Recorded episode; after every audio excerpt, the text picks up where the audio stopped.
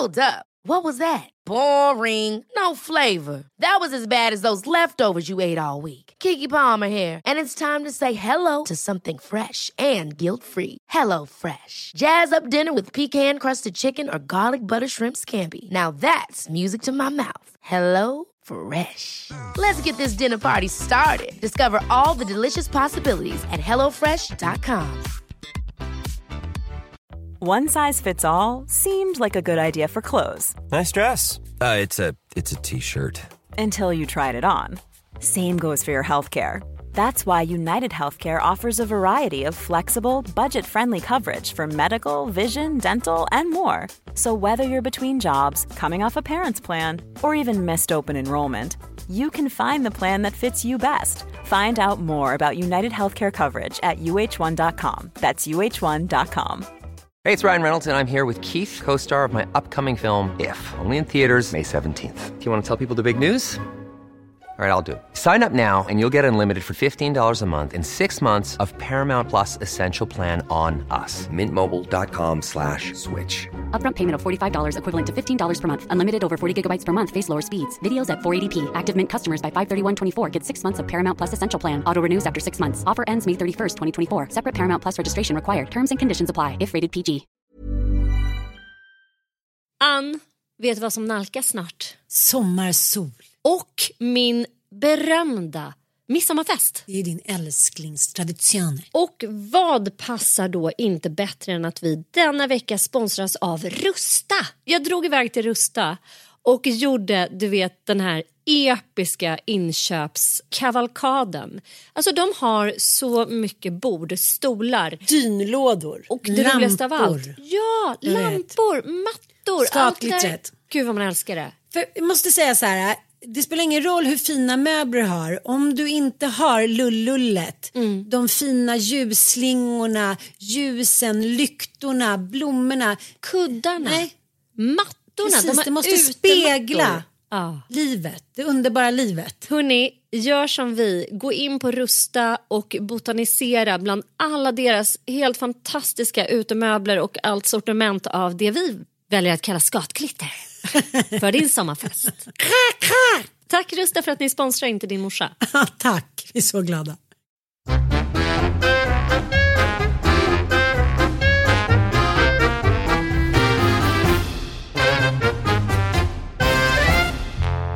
Hej och välkomna till Inte din morsa. Not your mother, not your mother, not mother. Jag läste att coronan har fördummat den. Stämmer det på dig tycker du? Jag vet inte, jag kan tycka att jag har svårt att finna ord ibland fast jag tycker att jag föddes med att ha svårt att finna ord emellanåt. Och jag kallar alltid mina barn för fel namn och sådär. Men det som jag tycker har påverkat, eller kanske inte mig i så stor utsträckning, men det är ju det att, att människan är ju skapt för sociala sammanhang. Vi är ju liksom the survivors of the social fittest. Så är det ju. Alltså de som var bäst på att knyta an och eh, liksom knyta kontakter och så här, inte då gå in i någon form av schism eller kanske vara otrogen om det var tio stycken som levde i byn eller så här. Ja, men schysst, de schyssta, smarta människorna är ju vi, är våra förfäder. De andra har ju liksom faktiskt rensats ur liksom. Och nu när det är så många människor som inte socialiserar.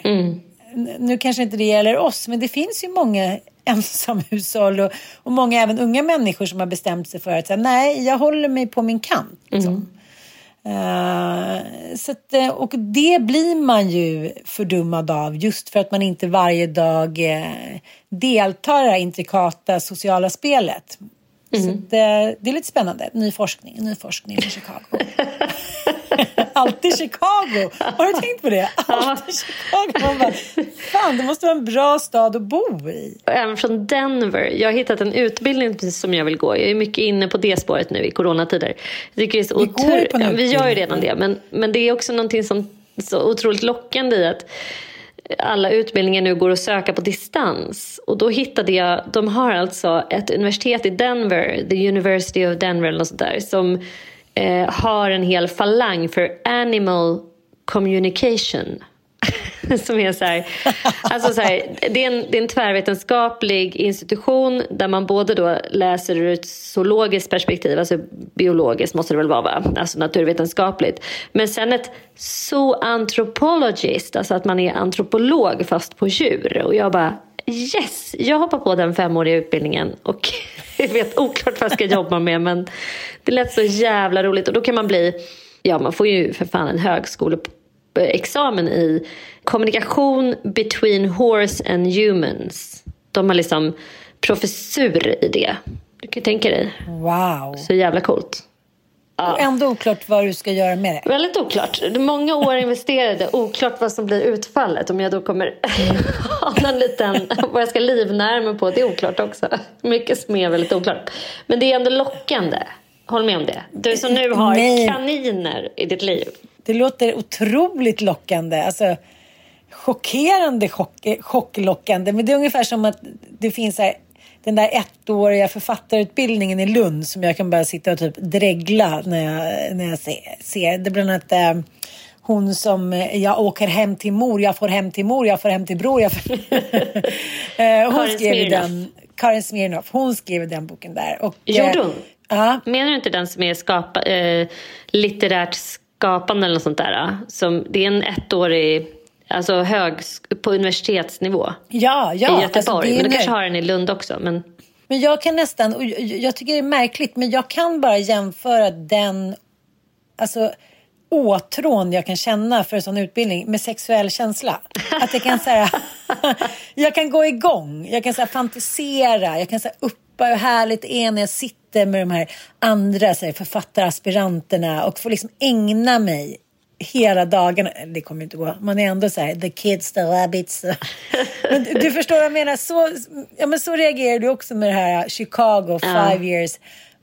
Denver om jag får bo. Jag, det, alltså jag bara tänker mig själv att jag ska bo i så Colorado och typ, ja nu är det i och för sig webbaserad utbildning, men att jag i alla fall får åka tur och tur till Denver, Colorado.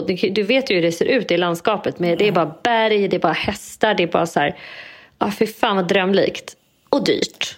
Och onödigt ja. kanske. Men, men ändå. men, Man måste få drömma för fan. Ja, men du kan väl jobba på, du, du kan väl plugga på distans? Ja, men det, det är på distans. Och så är det då fysiska träffar. Två eh, gånger om året så åker man dit och har seminarier som är liksom fyra dagar långa. Så jag får väl sätta mig och räkna på om det är hållbart och ekonomiskt försvarbart att jag ska ägna mig åt det här på heltid och åka tur och tur till Denver. Då kanske du kan kinesa hemma hos mitt ex, Dan. Bor han i Denver? Jag tror han bor i Denver. Uh, eller det kanske han inte alls gör. Varför, varför säger jag att, att han, jag tror att han bor i Denver när han inte ens bodde i Denver då? Han bodde uppe i Vail och bodde i lilla Boulder. Ja, bodde i lilla Boulder som är liksom en liten universitetsstad.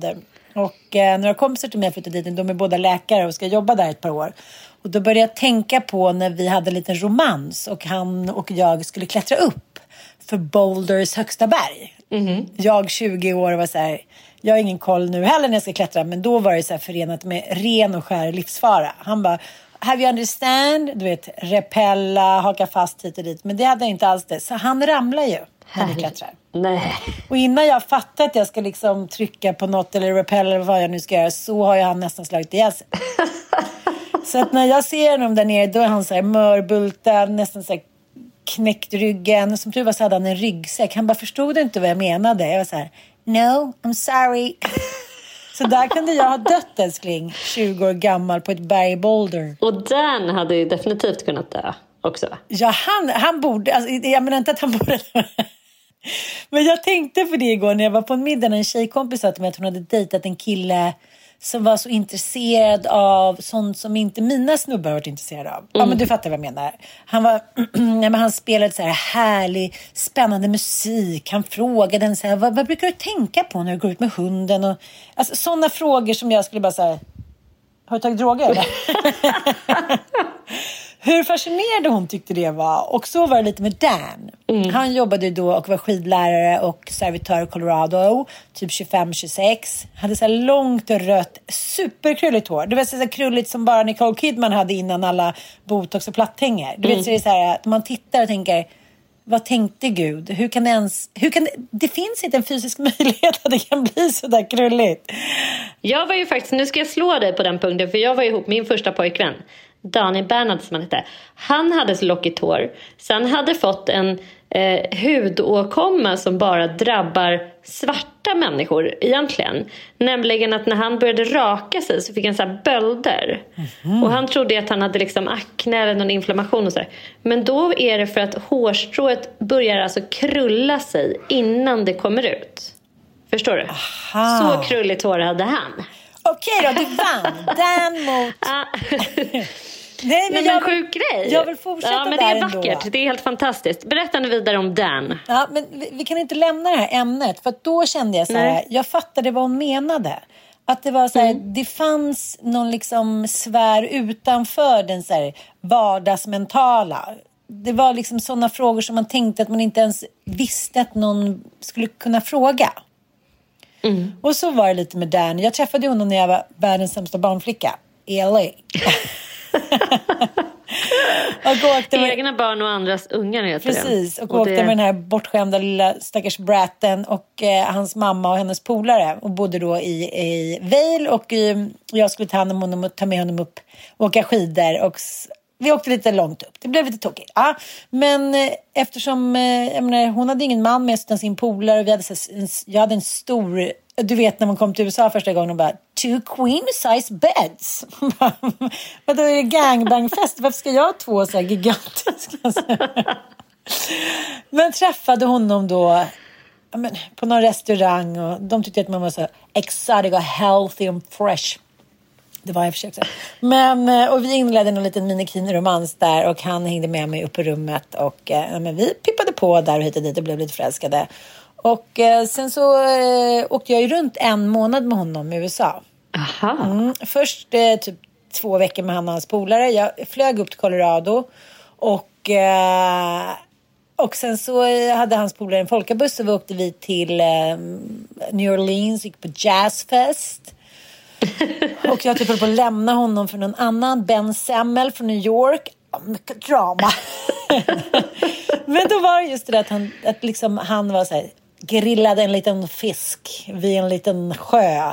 Vi mm. åkte genom Texas och liksom eh, sov under stjärnorna. Och det är jävligt härligt med sådana naturupplevelser. Några, folk som är bra på det, för jag är ju inte bra på det. Jag hakar ju bara på. Men människor mm. som har koll. Okej, okay, så här tänder man en eld, så halstrar man fisken. Så här ska mm. vi knyta råbandsknuten. Okej, okay, det där lät en galen hyena. Så att man känner att det är ett sånt jävla tryggt äventyr. Ja. Inte så du och jag som ja. Nej men alltså lika, lika härligt som det kan vara, lika fasansfullt ja. jävla vidrigt kan det vara också. Ja. Det är så här börjar regna och som du säger man har ingen koll på så här väder och vind och det här väderomslaget som kan ske uppe i när man är högt upp. Liksom, att det är så här, ja men gud det är jättevackert väder, vi tar vår lilla shorts och vårt lilla linne och sen så här, en kvart senare så bara är det så hagelstorm och man typ håller på att frysa ihjäl. Alltså på ja. riktigt kan frysa ihjäl då. Precis. Jätte... Ja, men jag tycker det, det är härligt med människor som liksom som kan vildmarksliv. Ja, men jag, kan, jag ska erkänna för dig att det är en liten fetisch jag har. Män i så här friluftskläder. Jag går igång på det. Okej, men, men har Micke det ofta eller? Nej, inte särskilt. Han, är, alltså, han, är, han har ju fått en äventyrlig sida liksom lite på äldre dagar. Men då vill han göra så extrema grejer. Som att han ska så här, bestiga Mont Blanc. Och han har gjort, han har bestigit det där jävla berget som de dessutom gjorde tv av i Nepal. Och sen han är ju helt och hållet inne på det. Och då är det ju så här high tech kläder, typ som att han ska åka till månen. Men han är ju inte den här lite mer Vi vill ha Haglöfs med paketet. Mm, vi vill ha Haglöfs. Vi, vill, vi vill ha liksom någon som sitter och knyter en egen liten fluga och som kan så här, dräpa en björn med händerna och så. Mm. Ja, ja, och liksom det känns mm. torftigt att erkänna det. Men jag kommer ihåg att jag och Nanook var i Frankrike en gång, alltså mitt ex. Och vi, eh, det, liksom, vi hade som vanligt inte bokat någonting och det fanns liksom ingenstans att bo. Så vi köpte mm. ett tält. Och då... Nanookigt. Nej. han hade sin Haglöfs-era, han hade så här, paketet i Haglöfsbrallor och liksom så här, men gud, han kunde ju ingenting för det. Så det blev liksom Nej. en falsk marknadsföring. Men det gick bra, jag gick igång. Jag gick igång. Eh, vi då, vi ganska nykära och upp på det där berget, satt upp vårt lilla tält och då händer det där som är det värsta. Att man så här, romantiserar vildmarkslivet för man tror att den man är med är stabil. Sen började det regna, vi hörde typ, vi bara det är en varg.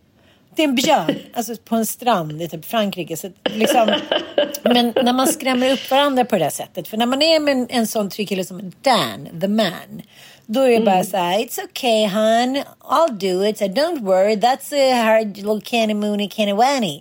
Så då är det bara mysigt. Man bara, okej, det är ingen varg. Och, och kommer den så kommer Dan the man strypa den. Och då är det så jävla hot life och liksom leva vildmarksliv i Texas nationalparker. Men när man ligger med typ snokfarbrorn, lite packad i ett tält. Så att vi fick liksom ta ner tältet och gå ner. Ja, precis. Lika eh, tändande. Det kan vara lite lika avtändande kan det vara också faktiskt. Men det är roligt där med fetischer. Jag hade ju tagit här fetisch, men jag tänkte att det vore sexigt att träffa en man med höga blanka stövlar. Inte, inte rid utan mer så här patroner. Förstår du? Ja, jag fattar Ja. precis. En mästerkatten i Ja, stövlar-kille. ja, typ en spansk katalan. Som Min kompis Leila hon hade ju ändå det roligaste som hon också tvingade olika killar att liksom utföra när hon själv var så här 22. Alltså män med eh, cowboyboots och hatt och ingenting annat på sig. Naken. Nej. Jo, det var ju så bra fetisch alltså. Herregud. Hon tog, alltså gud, skamlös människa ändå. Så jag tog bilder på sina olika ragg. Skickade till mig. Och de visste det? Så får man inte göra. Det är ingenting jag uppmanar någon till. Ja, det, jag tror att de visste det. Alternativt att de gjorde det i smyg. Då kan jag erkänna att jag smyg tog bild på E-Type idag. Aj då, för att visa för vår kära Anita eller? Nej, men det jobbiga är att vi har skämtat så otroligt mycket om deras relation som ändå pågick under flera års tid. Ja. Och det här gick ju jag igång på och eh, kaninhjärtat liksom började pulsera och jag fick puls. Så att när vi gjorde vår lilla show eh, The Best Little Whorehouse in Texas dök bara upp i mitt huvud. Men det var inte alls det utan det hette ju Kvinnogrisarna. Då baserade jag ju typ hela manuset på deras romans. Och att då vi till slut hamnade, hoppade ner och bara, jag ser ljuset, jag ser ljuset. Det är E-Type, att liksom Nangialia var då. där. Och jag vet inte hur mycket han vet det där. Vi har på och snackat om liksom, men allt från deras liksom sexliv till att han hade så här ritat teckningar som han hade i taket med så här vikingar. Alltså det är ju en tacksam person. För jag kan känna så här, han är liksom en stadig kassa. Han är stadig på alla sätt. Han är smart, framgångsrik, kommer liksom från en schysst bakgrund. Alltså det, det är inte synd om Han har inga skelett i garderoben. Nej, det är inte synd nej, om inte synd om honom. pöjken. Honom Nej. kan man liksom eh, snacka lite om. Och då skulle jag, eftersom jag ska på paddelresa. Mm. Eh, så var- måste, vi ska till Marbella så måste man ju ta så här HCR-test. Mm. PCR-test. PCR-test. Och då var jag först min doktor som sa att det är 48 timmar tills du får svaret. Jag bara, I'm going tomorrow. Och då var Martin Eriksson där. Mm. Då har han berättat att han håller på att skriva musik eftersom han inte eh, har kunnat jobba då på krogen. Mm. Och han sa att jag vet inte om jag får något skivkontrakt. Jag, är liksom, jag kanske är för gammal för det. Och så tänkte jag, Itab, jag bara, du är en legendar. Jag signar dig. Men jag tänker att skivkontrakt är väl inte kanske ett måste nowadays. Nej, alltså, sa, annars får är ge att ut det själv. Ja, han får ge ut det själv och han har väl för fan en studio. Känner massa människor ska hjälpa honom med allt det där. Och så får han...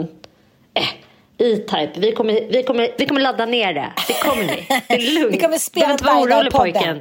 Nej, men det är intressant med Kan du göra människor. musik till vår podd? Vad roligt. Men jag tycker att det är ro... Ja, Ja. jag ska be honom. Jag tycker bara det är intressant med människor som kommer. Hans pappa är ju superintellektuell.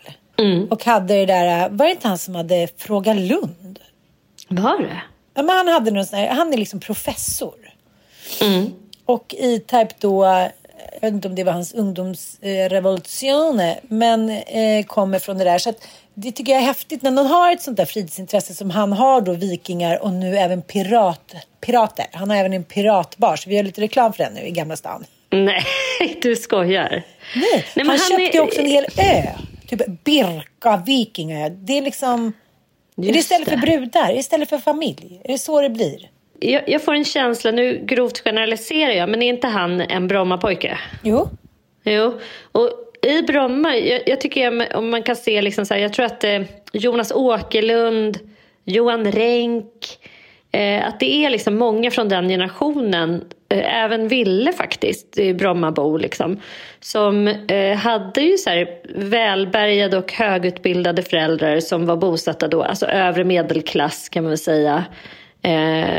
Och högutbildade och, och att den där 60-talistgenerationen då skulle göra uppror, revolt mot det eller så här, blev fostrade till att så här, ja, men ni, ni ska få göra något kul i era liv i alla fall. Alltså, förstår jag menar? Lite grann, alltså, så här, jag tycker att 60-talisterna det är ju verkligen så här Max Martin, Johan Renck, alltså mycket av vår stora musikexport som tog eh, fart då.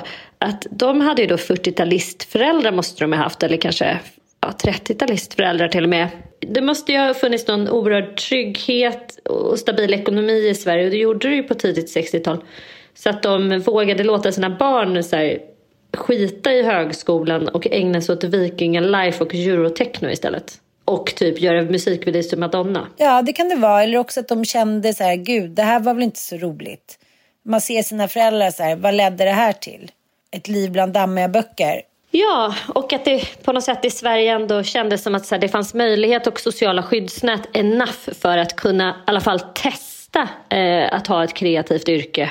Och sen hade de ju såklart också någonting att falla tillbaks på om man jämför människor som är helt medellösa, alltså som kommer från arbetarklass eller låginkomsttagare. Det, det är klart att vi har många konstnärer och eh, kreatörer därifrån också. Men jag kan, det har ju av hävd varit tuffare för dem att ta sig fram. Det har ju inte funnits några ekonomiska skyddsnät. Liksom. Men eh, det är ändå en jävla diskrepans mellan att vara, ha en farsa som är professor och sen ägna sig åt att ha en vikingabar och köra lite eurotechno och ha det där långa håret och bara leva evigt tonår. Och, Och Jävligt intressant. Vill man, inte se en, vill man inte se en dokumentär om E-Type? Jo, jag skulle älska det. Är det det vi ska göra? Vi ska, vi ska, vi ska hylla Itab. Men jag tänkte på det. Jag tänkte på det när jag gick därifrån. Jag tänker så här. Fan, han måste skriva en bok. Han måste liksom, Jag vill veta mer om honom. För att, Var han ihop med, med Dilba syrra Di? Eller var hon bara danserska? Hon var ju danserska och sen var det ju hon Nanna tror jag som sjöng och bak, var bakgrundssångerska. Just det. This, this is the way. Du vet, ja, som hade en helt fantastisk pipa. Ja. Men det var så roligt för att eh, sen bara, det kändes som att ni var bästa vänner. Jag bara, jaha. Men det kan man väl säga att det känns som att du är med typ alla människor på hela jordklotet. Jo, men han, han sa att han kände att så här, gud, det känns som ni går way back. Jag bara, ja, jo, jo. Eh, och så, så, här, så här, men jag sa det och sen bara, ja men liksom, vem, vem är du då? Så jag bara, det här är Martin eh, E-Type, han är en av Sveriges mest kända artister. Typ. Han bara, ja men om, om jag var så jävla känd då hade du inte behövt presentera mig. Jag bara, jo, men, men du vet, det kommer en ny generation. Men han, han är ju verkligen liksom en, jävla legendar. Hur han har stått där och hållit fast vid sin stil och sitt permanentade hår och liksom... Jag vet inte. Jag känner så här, flaggan är topp i Type. Trots dina etsningar i taken och liksom... Det är kul tycker jag med människor som så här, lever som de lär på ett sätt också. Och, Verkligen. och inte som, hakar på det, något Som inte är så trender. jävla trendkänslig. Som bara Mm. säger, nej men jag tänker ha mitt pentade pudelrockarhår. Vi är mycket inne på lockhåriga killar idag. Mm. Jag tror vi behöver ligga med en viking. det är aldrig fel. Långhåriga, lockiga killar. Tänk att det var, det var ju extremt trendigt, men han har liksom hållit fast vid den trenden eh, och in, inte vikit. Han är ju en rocker, fast som ändå kör eurotechno. Det är också en jävla bisarr mix. Att han har en rockstil. Han har liksom, det är cowboyboots, det är tajta skinnbrallor och så är det här pudellockiga håret. Men så kör han ändå eurotechno. Ja, Han men du borde ju hade kört köra hårdrock typ så här. sa. Ja, men det precis. Ja, Men nej, jag måste ser man. jämföra honom med, med en annan person som också så här, eh, Lisa Ekdahl. Mm. Hon bara, jag blev nästan 50 innan jag blev het och cool. Mm. Alla har liksom hånat henne och hennes röst och vem hon är och liksom, vem är inte du? Som att hon vore liksom lite korkad på något sätt, fast det är det sista hon är. Mm. Och, Apropå, hon har ju också en pappa som är så professor i kemi eller någonting. Biokemi. Ja, hon är också, hon är precis den, den generationen som har föräldrar som är så här uber liksom utbildade och kommer från ett akademikerhem och som ändå har ägnat sig åt att sitta och sjunga och musicera. Men hon är, det här är också så här, apropå eh, uppgång och fall. Vi har ju pratat om Britney Spears-dokumentären. Här tycker jag verkligen att Lisa Ekdahl är ett strålande exempel på det. För när hon kom så var hon ju väldigt ung och vi har ju någon fäbless för att bli helt tokiga när vi har en ung talang. Eh, som ju Vad var hon, liksom, 16? Mm, jag tror hon var 17 eller 16 eller 17. Hon gick ju på, på Sara Latins musiklinje som det hette då. Och skrev hela den skivan. Vem vet skivan? Alltså varenda låt har hon skrivit själv. Och sen var hon skivan. ihop då med Bill Örsom som var rejält mycket äldre. Men som Jo, eh, hjälpte henne att spela in den där och hon blev signad av EMI. Och en mycket duktig och känd producent som plockade upp henne. Men hon vann ju Grammisar och den hon där blev skivan så är ju så jävla rik, vet du det? hon blev så jävla stor och hon blev så jävla rik och hon blev så jävla berömd. Hon var ju liksom en av Sveriges största och mest spelade artister genom tiderna. Den skivan, alltså den har ju sålt så här trippelplatina, jag vet inte. Men hur mycket skivor som helst. Men sen att det blir ett sånt fall för henne.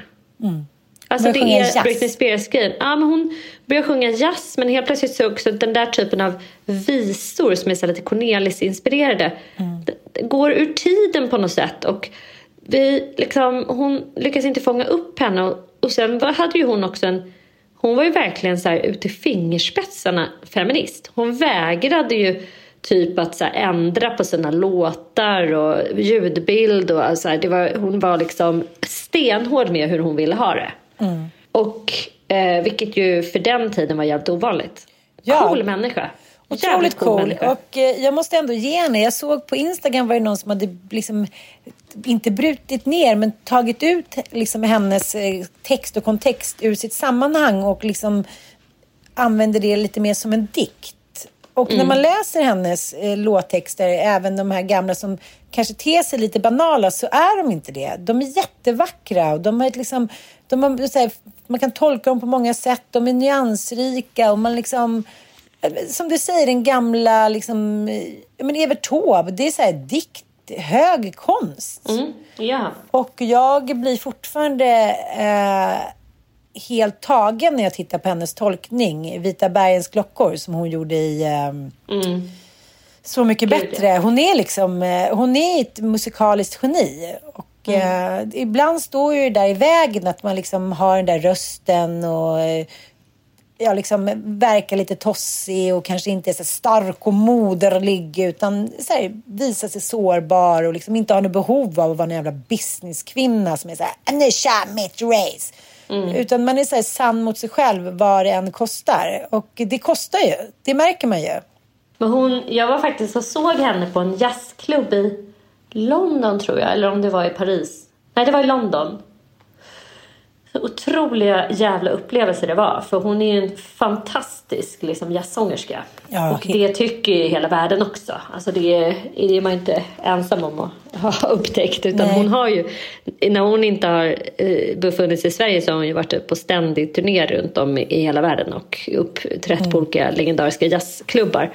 Det är helt fantastiskt alltså. Vilken jävla stämning. Du vet, publiken var satt som på så här, i, i någon slags hypnos och var Sen blev det Så ju lite... begeistrade. Sen blev ju allting lite smaskigt när hon åkte på så här, typ ayurveda-resa Ja. till Brasilien. Så här, träffade en riktigt het, var han fotograf, amerikan. Någon amerikan, nej, men han var ju... Ja, men, eh, han var bytte väl musiker också. namn, eller var, han bytte namn. De fick men det ju är också så här, och- ja. hade det, det var också helt... Hon har liksom legat före hela tiden. För att skulle någon ha gjort, träffat en het så här, amerikan och åkt runt på någon så här ashramresa idag skulle ingen tycka att det var konstigt. Nej. För folk åker till, håller på med yoga och åker och liksom på ayahuasca-resor och fan hans moster. Det här flummeriet liksom. Men det råkade hon göra i en tid när det, det var liksom ansågs under så Schyffert-eran, den ironiska generationen när hon ansågs vara en tomte liksom. Ja, Så bara, gud, typ. hon he- ja men verkligen. Fast idag skulle hon bara ses, vem som helst som gick i hennes fotspår skulle bara tycka att, att hon var en sköning. Ja, och det, det där är ju vissas liksom, tyvärr otur man ska säga, att de är före sin tid.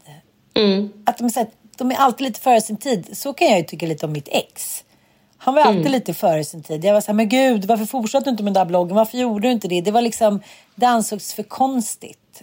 Men så är det ju ofta med geniala människor. Att de, ja, men kolla på Leonardo da Vinci när man tittar på hans eh, liksom ritningar från så här 1200-talet. Som är liksom allt från helikoptrar till de första, liksom, eh, vad heter det, bomb... ja. det är så här, man, kan, man tänker så här, var kom det ifrån? Att man har en sån intrikat hjärna att man ens... Ja, så jävla fascinerande. Ja, klagor ringer vet vi att natten är vår Mitt hjärta slår Vet vi att vita bergens och ringer Vet vi att natten är vår Mitt hjärta slår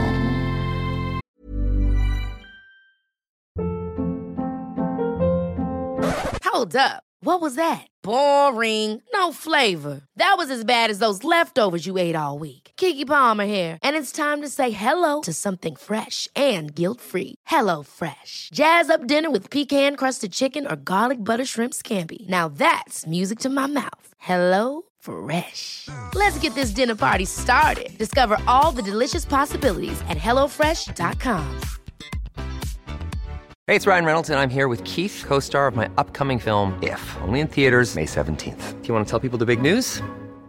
All right, I'll do it. Sign up now and you'll get unlimited for $15 a month in six months of Paramount Plus Essential Plan on us. Mintmobile.com slash switch. Upfront payment of $45 equivalent to $15 per month. Unlimited over 40 gigabytes per month. Face lower speeds. Videos at 480p. Active Mint customers by 531.24 get six months of Paramount Plus Essential Plan. Auto renews after six months. Offer ends May 31st, 2024. Separate Paramount Plus registration required. Terms and conditions apply if rated PG. Quality sleep is essential. That's why the Sleep Number Smart Bed is designed for your ever evolving sleep needs. Need a bed that's firmer or softer on either side? Helps you sleep at a comfortable temperature? Sleep Number Smart Beds let you individualize your comfort so you sleep better together. JD Power ranks Sleep Number number 1 in customer satisfaction with mattresses purchased in-store. And now, save 50% on the Sleep Number limited edition Smart Bed for a limited time. For JD Power 2023 award information, visit jdpower.com/awards. Only at a Sleep Number store or sleepnumber.com. Life is full of what ifs. Some awesome, like what if AI could fold your laundry? And some, well, less awesome, like what if you have unexpected medical costs? United Healthcare can help get you covered with Health Protector Guard fixed indemnity insurance plans. They supplement your primary plan to help you manage out of pocket costs. No deductibles, no enrollment periods, and especially no more what ifs. Visit uh1.com to find the Health Protector Guard plan for you. Men du, från, från dokumentär till E-Type och det här är väl eh, det här har jag ett sånt springande behov av att prata med dig om. Eh, vilket ju den här podden på något sätt är. Det är typ min enda kontakt med en tänkande människa. En gång i veckan. Nej, jag skojar bara. Men lite grann så är det ju i alla fall. Och jag brinner ju ofta, samlar på mig under veckan för att jag vet att vi ska få prata. Eh, Jag har ju, precis som många andra, eh, har sett dokumentären om Soran. Har du sett den? Ja. Ja.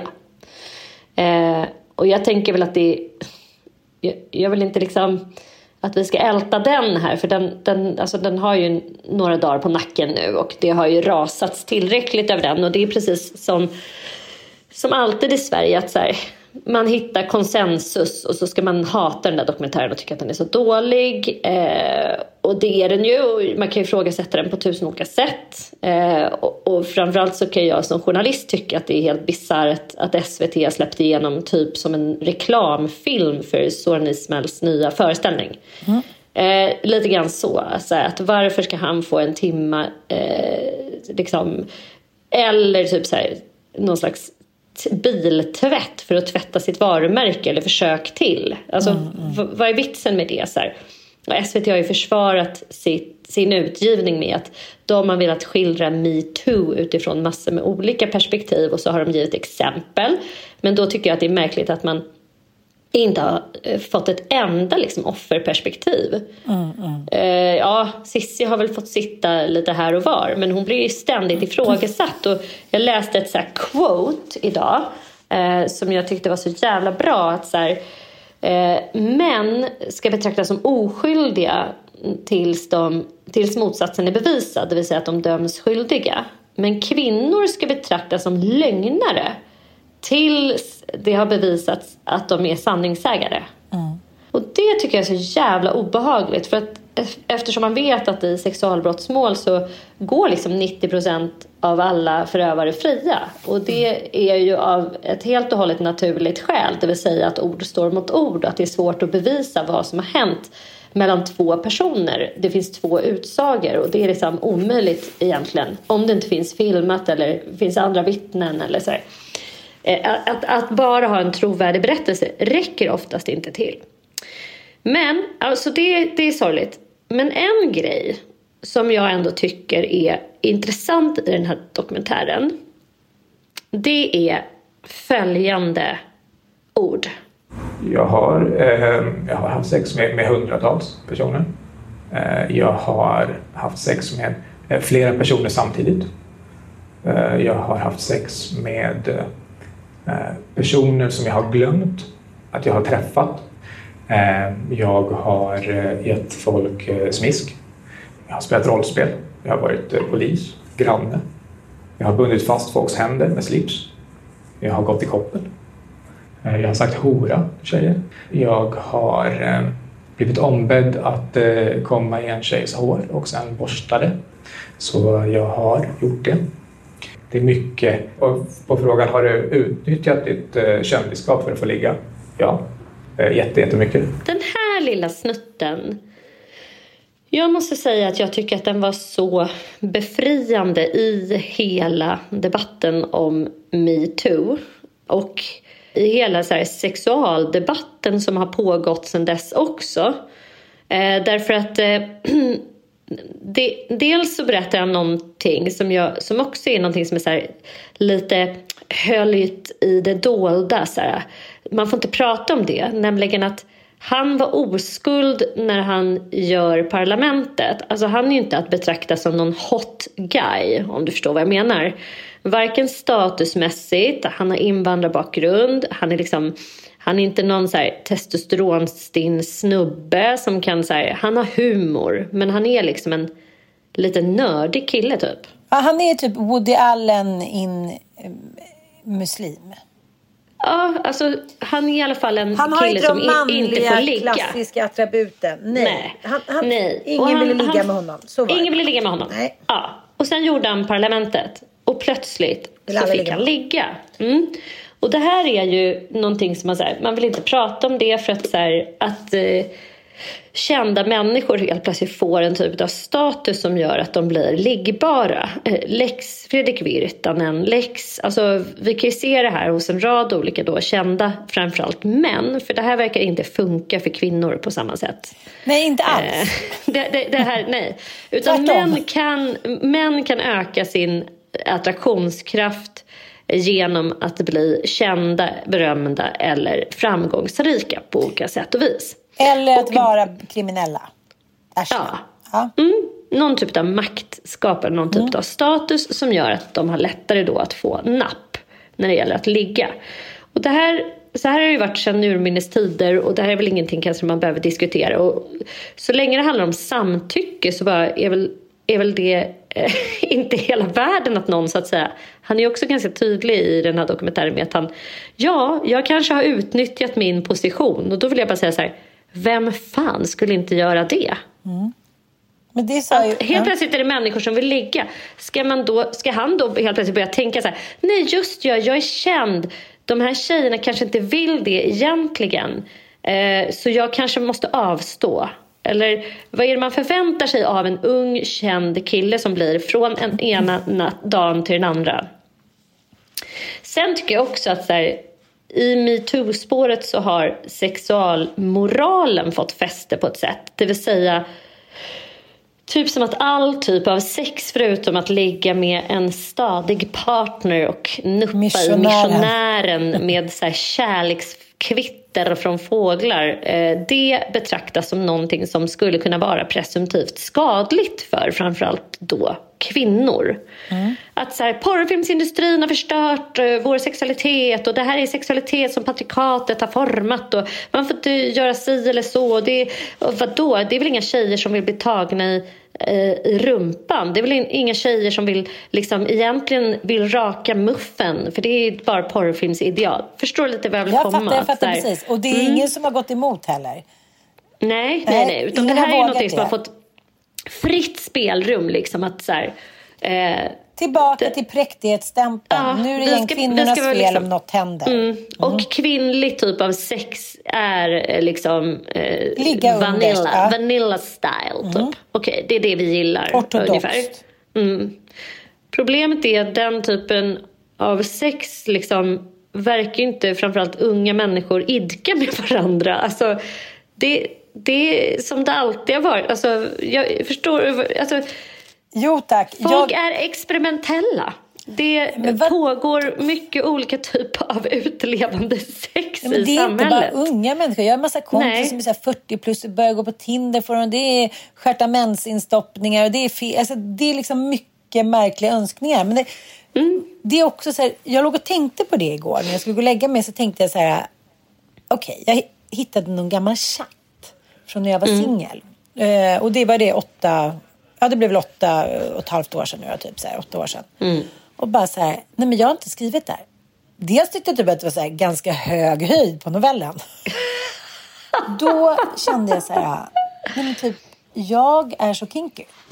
Alltså jag, nej men så här, gud, jag var så här kinky och så, så typ, träffade jag den här killen lite senare och så garvade han bara, kolla här. Jag bara, jo jag vet, du skickade det där liksom. Jag känner honom. Eh, och eh, då kände jag så här, det kändes inte ett dugg kinky då. Det kändes så jävla rätt. Och det var liksom rakat och fnoffat och olja hit och stjärtaments... eh, liksom, Det var ingenting jag tyckte var konstigt när jag var singel och het på gröten. Och nu när jag tänkt på liksom att, att jag skulle skriva det så känns det så här, nej Gunilla jag måste göra bot och bättring och gå till kyrkan och det är liksom precis där man är just då. Och jag ska inte säga att jag inte liksom går igång på porrfilmer, att jag har sagt på det ena, den där, kom på mig, kom hit och dit. Det är inte så att vi helt plötsligt på grund av metoo inte ett dugg kinky. Alltså människan har alltid varit kinky. och, och det, det är återigen det här dikotoma att vi på något sätt har också blandat ihop med eh, alltså människors fäbless för kinky sex, eh, vilket ju finns hos både kvinnor och män. Fetischer, det är inte bara män som har fetischer. Det finns massor med kvinnor som gillar kinky sex också. Och det kan vara lite Och kul ju, också ibland. Ja, och det handlar ju absolut ingenting om eh, samtycke. Eh, alltså man kan inte blanda ihop det. Jag tror att människor som ligger i missionären och typ eh, håller sig till en och samma partner i hela livet att de inte skulle någon gång kunna trampa över någon gräns eller inte kunna bryta mot samtycke. De kan också våldta. Alltså människor som, förstår jag menar? Att så här, som är moraliskt korrekta kan också eh, bete sig som arslen beroende på vem mottagaren är och beroende på vad som är överenskommet. Han säger ju, eh, ja, men, som vi fick höra här, att så här, ja, jag har kommit en tjejs hår och hon bad mig sen att kamma ut det. Det och det här bra. kan vi tycka så här, Nej. det här är helt sinnessjukt. Eh, här, är, hur fan kan han tro att en tjej skulle vilja det här? Eh, har jag hört flera som har Okej, reagerat okej. på. Jag har sett det i sociala medier också. Jag bara känner så här, men gud, ni, alltså det finns så mycket konstiga. Det finns människor som har eh, bisarra idéer om att de vill klippa av sig själva kroppsdelar. Alltså, det precis. finns så mycket konstiga grejer. Så att, nej, det tycker inte jag man ska gå in och moralisera över. Och Jag tycker inte man ska blanda ihop det med om han är en förövare eller inte. Hur han har idkat sitt sexliv, ett utlevande, experimentellt eh, sexualliv. Det har liksom ingenting med Eh, huruvida, jag förstår inte ens varför det tas upp i dokumentären faktiskt. Att han ska typ försvara att han har legat med många tjejer och gillar experimentell sex. Eh, för det, det gör han ju. Han säger ju det här på något sätt för att, för att erkänna och kanske också för att få oss att tro att han på något sätt så här, jaha det är bara det han har ägnat sig åt. Han har bara varit en experimentell kille och helt plötsligt så har han liksom då blivit betraktad som en förövare och våldtäktsman. Men, men det är ju bullshit. Han men, skulle liksom lika gärna kunna vara en förövare om han bara hade älskat vanillasex. Ja, men förstår du lite vad jag menar? Nej, men jag förstår precis vad du menar. Men, men det som jag tror är att jag har ju varit jag har liksom spelat in tv med honom, eh, varit tillsammans med honom typ, eh, vad blev det, tre, fyra dagar eh, dygnet runt ute på, eh, vad heter det? Yasuragi. Eh, eh, Yasuragi. Och eh, det här var ju ganska nyligen efter han hade slagit igenom. Och sen har vi liksom träffat några gånger så har jag varit på hans eh, liksom, uppträdanden hit och dit. Och det som är, vilket gör då eh, fallet kanske lite, liksom, inte Kapten Klänning-aktigt, men eh, för Kapten Klänning då, Johan eh, Lindberg, han jobbade ju stenhårt för fem, med feministiska frågor inom poliskåren.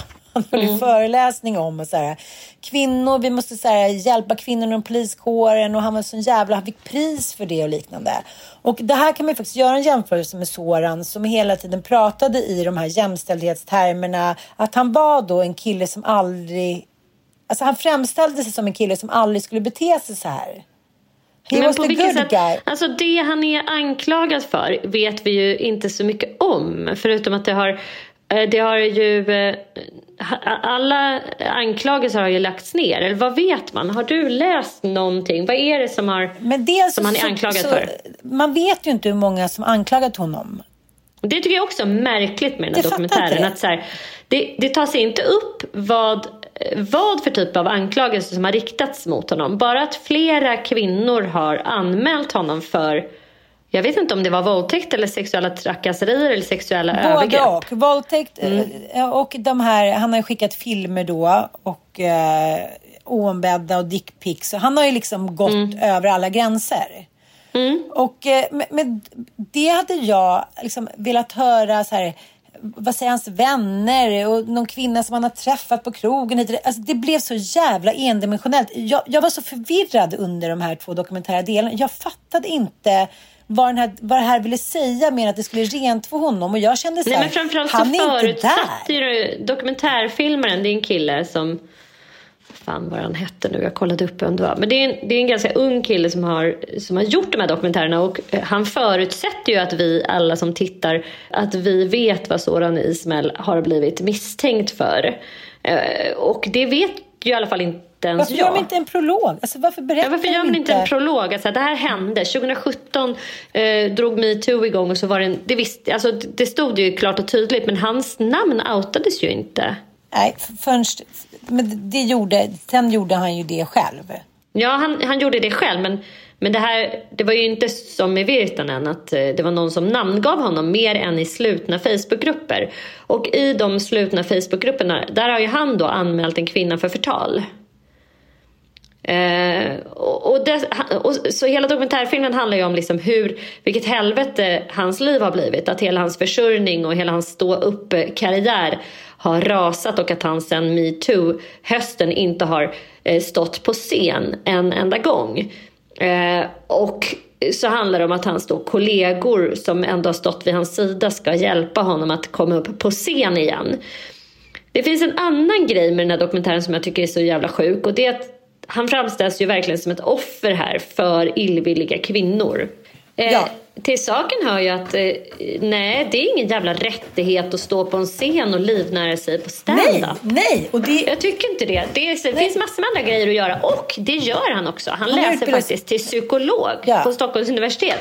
Och eh, han, eh, alltså det är väl inget deppigt liv tycker jag. Bara för att han inte får stå i strålkastarljuset och livnära sig som sagt på att sitta i tv och göra stand-up. Och det var ju jättekul och han var ju hemskt rolig och duktig på det och så men det är inte en allmän rättighet. Det är inte att han har förlorat sin brödföda och inte kan göra någonting annat. Nej, och jag tycker så här, det finns ju andra, liksom, några amerikanska eh, komiker som också har blivit anklagade för eh, sexuella övergrepp och liknande. De har direkt tagit tjuren vid hornen. Några har motbevisat eh, enligt dem själva och så här, pra, ja, men, tagit fram egna bevis för att det här inte stämmer.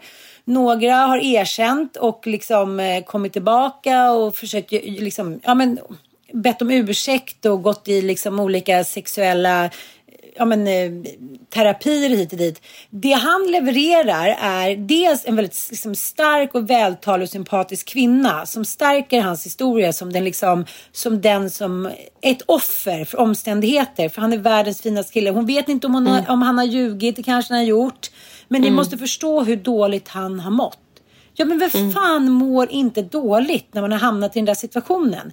Det är inte heller liksom, som du säger, bara för att man är känd så är det inte heller liksom ens jävla officiella rätt att få så här tvaga sin, liksom, sin byk i tv. Och det, det tycker jag att hela dokumentären genomsyrar. Att hon är så här, han håller på att ta sitt liv. Hon, de visar upp bilder där han sitter och käkar grillchips, halva anorektisk. Jag bara känner så här, men gud ta in mannen på psyket. Och då känner jag så här, alla hans vänner då och familj hit och dit. Han har fått sitta där som en incel i tre år. Och som mått så jävla dåligt och inte kunnat gå utanför dörren hit och dit.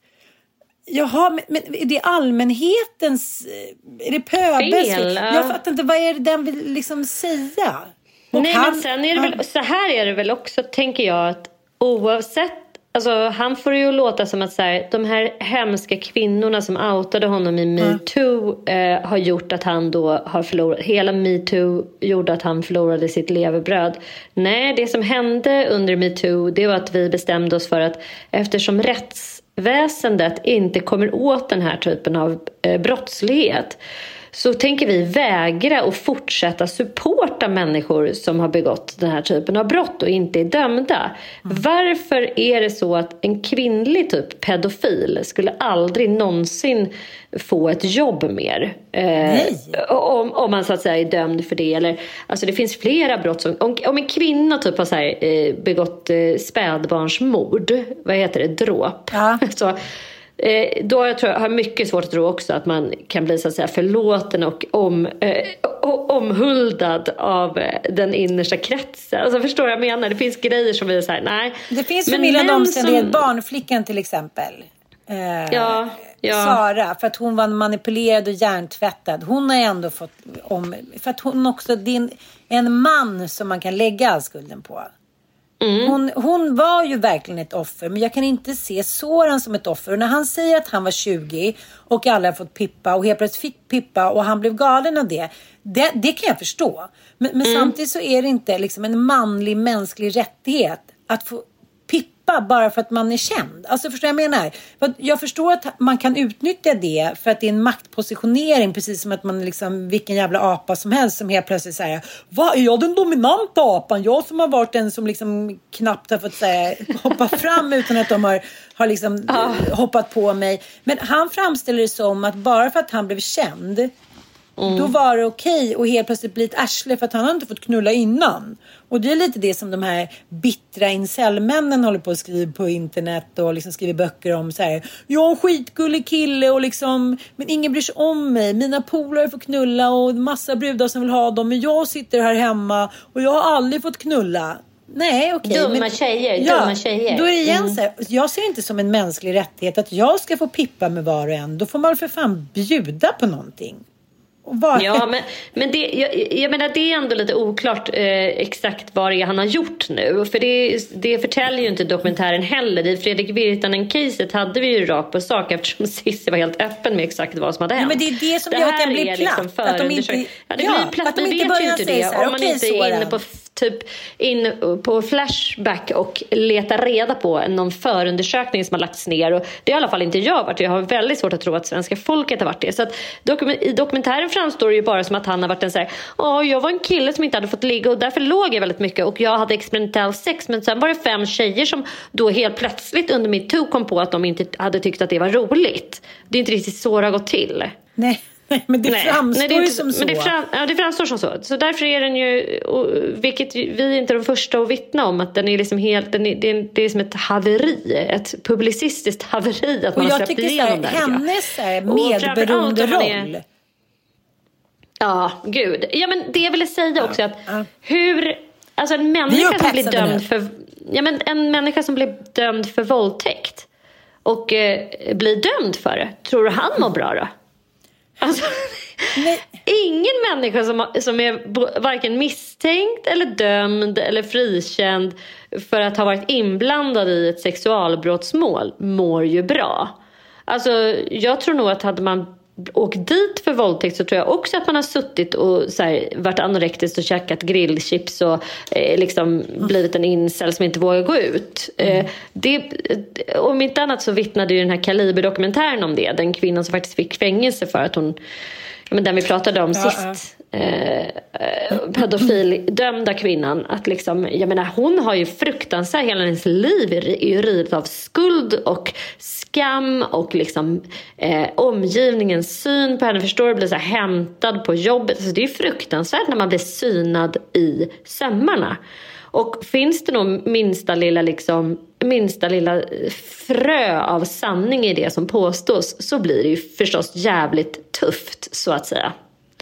Men det är som sagt märkligt att hans då flickvän, eller vad hon nu är, får vara hans främsta tvätterska. Jag, jag förstår inte det här riktigt. Jag, tycker, jag, mår så illa av det. För jag tänker så här, du och jag jobbar med det där och liksom har tillbringat eh, mycket av vårt liv med att så här, få fram den här medberoendet, anhörigskapet och så här, kvinnor som tvättar mäns bykar hit och dit. Och sen så, så är det ingen som ens, någon redaktör som tänker så här, fan blev det där så bra? För det här har ju varit kvinnans roll och det har vi pratat om i många fall. Att så här, är det inte kvinnan, eh, liksom, som, kanske kvinnan har lämnat men då är det den där andra kvinnan som finns i bak som ska börja tvätta byken. Det finns alltid någon som kan tvätta en liksom anklagad mans byk. Och det ska inte ske med våra skattepengar på bästa sändningstid. Alltså jag tycker det är barockt. Jag tycker det är horribelt och jag tycker så jävla synd om henne. För att hon är så här supersympatisk. Hon, hon är ganska präktig och stark och liksom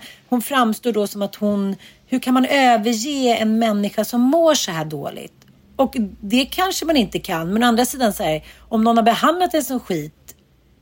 Alltså det, det, det blir liksom, eh, det blir igen då att Men hon kvinnan. framställer det ju som att de hade en öppen relation. Och att de var vänner och ibland var de ihop. Och det tycker jag också kan, det kan jag väl tycka är lite spännande i den här, i den här dokumentären. Men det, Alltså det, det, det finns några små glimtar där som jag tycker är så här, nej men det kanske inte är så tydligt för alla människor heller.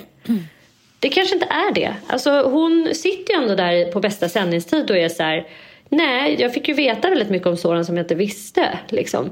Eh, ett liv som han hade levt som som, som jag inte hade någon koll på. Liksom. Det är ändå lite spännande. Jag vill inte lägga någon värdering i det. Jag vill inte döma henne helt. Men jag tycker ändå att det är märkligt att hon får sitta och så att säga, tvätta någonting som hon inte vet så mycket om. Det är konstigt. Och det blir inga heller liksom motfrågor. Så, Jaha, tog ni någon hjälp? Eller, jag tycker så här, för att det här ska bli intressant så ska det ju vara en människa som så här, hamnade i det här och sen har gjort x antal åtgärder för att på något sätt så här, vilja förändra sig och nu komma tillbaka i rampljuset och ha någonting att berätta. Men det han berättar är att han har liksom suttit inne och käkat chips och mått skit i tre år och det fattar jag att han har gjort. Men därifrån till så det är ingen fråga så här, jaha, har du gått i någon form av terapi? Har du gjort hit och dit? Det finns inga motfrågor. Det är bara att hon sitter och liksom maler på med sin vackra röst och berättar liksom hur den här proceduren har varit och hur jobbigt han har haft det. För att då på något sätt berättiga att han ska få komma tillbaka i rampljuset. Men varför? Ja, varför? Och han verkar inte ens vilja, det. Och, Han är liksom och en så stukad människa. Han kan ju knappast prata. Han är liksom, han är avstängd. Han är ju fortfarande i någon traumatisk chock. Och det tror jag också så här att om man slår igenom så där tidigt från ingenstans och sen blir man nedputtad till vargarna. Jag förstår om det blir så traumatiskt att man säger jag kan inte återhämta mig. Men då får man väl, jag vet inte, jag kan ändå känna så här, tack Blondinbella. Ja, jag klarar inte av det, jag minns ingenting. Jag gick in och fick elchocker, jag ville dö, bla bla bla. Hon är så öppen med vad fan som hände och hur har jag gjort för att försöka ta mig tillbaka. Ja. Han är bara liksom ett offer för omständigheter och får därför vara ett paket. Jag tycker det är märkligt. Det är liksom dålig journalistik och det är dåligt liksom det, det är dålig mänsklighet också. Att det inte finns någon circle of trust runt honom. Som på så här, men vad fan, nu liksom, vadå, om du skulle se Micke sitta så där i tre år. Skulle inte du försöka, liksom ni gör, har gjort då? Man pratar med terapeut, man gör utredningar, man hiten och dit. Man testar det, man testar, man testar sig fram. Man sätter sig inte bara och ger upp. Men det, det, det är ju säkert inte så heller. Nu när man förstår att han går på psykologlinjen och min dotter satt ju liksom på en 30-årsfest ganska nyligen tillsammans med honom. Så att, alltså, han, han verkar inte ligga kvar i soffan med grillchipsen. Fast det framställs ju som det. Ja, jag menar det. Men då Det är är det ett hej. Det, det, man får inte följa med i utvecklingen. Det är inte så här, okej, vad har hänt där det senaste året? För nu vill du ändå komma tillbaka till rampljuset. Vad har fått dig vilja Mm. göra det? Är det för att du vill vara en bra förebild för dina barn? Jag får inga svar. Mm. Och så den där Nej. hemska föreställningen. Alltså, ah. mm. Nej, Nej. to be continued kan vi säga. Eller verkligen inte. Jag tror inte att vi kommer se så mycket varken av honom eller av, av den här dokumentärfilmaren heller eh, framåt. För eh, vad ska man säga? Alltså, det, det verkar ju röra... Det verkar ju råda liksom sam... Eh, vad ska man säga? Samsjuklighet, eller på att säga. Det jag menar är förstås att vi verkar tycka ungefär likadant. Ja. Alla vi som... Ja, sen tycker jag så att alla ska få en ny chans. Men det är också lite, om man kan se det i oturaspekten, att människor som var med horor eller gjorde bort sig på det här sättet innan metoo kan komma undan, göra fina poddar och vara idrottsstjärnor och vara med liksom superstars och bla bla bla. Men efter metoo, då är man så här, smoked salmon for life typ. Mm. Ja. What goes around comes around. Det är ju bara så, historien biter en i svansen liksom. Ja, sen kan man väl tycka att så här, eftersom man vet att hur många procent det är som, av svenska män som har uppsökt en prostituerad, det är hyfsat många liksom. Eh, så det kan ju vara, man kan tycka att det är orättvist att Paolo Roberto fick bära, bära typ så här 95 procent av svenska folkets mäns hundhuvud. Alla andra sitter ju där och får fortsätta vara rörmokare och målare och Men nu, lärare nu har han flyttat till VDs. Italien och eh, startat om sitt företag på nytt med ett annat namn. Ja, precis. Han har inte blivit ett offer. Är han inte. Lägger ut mycket träningsvideos och så. Ah. ja, men Okej. du, återigen, en härlig diskussion. Eh, min incellman eh, vill nu ha sin telefon. Så vad känner du? Är vi nöjda med dagens podd? Ja, men det tycker jag väl verkligen Ja, att vi är. vi har brunnit Det har vi, som på vanligt. barrikaderna. Ska bränna bh? Nej, jag har ingen bh. Okej. Vi hörs sen älskling. Jag ringer dig sen. Jag måste säga en grej. Ja, gör det. Puss. Alla Hej då.